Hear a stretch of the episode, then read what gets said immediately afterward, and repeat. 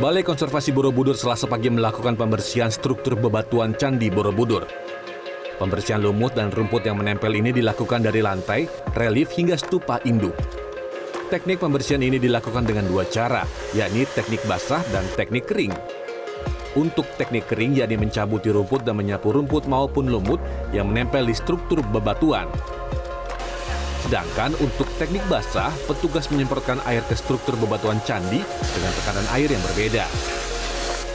Untuk relief candi disemprot dengan tekanan sedang, sedangkan untuk lantai dilakukan dengan tekanan tinggi.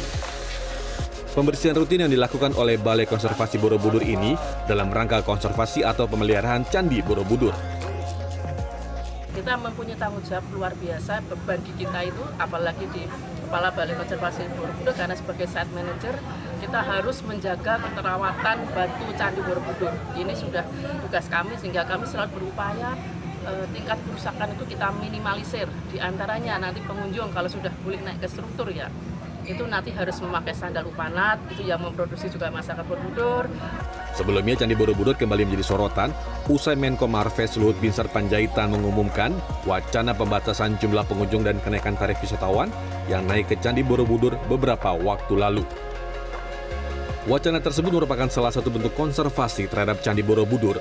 Dari hasil monitoring pihak Balai Konservasi Borobudur, terjadi kausan di tangga, stupa hingga lantai candi.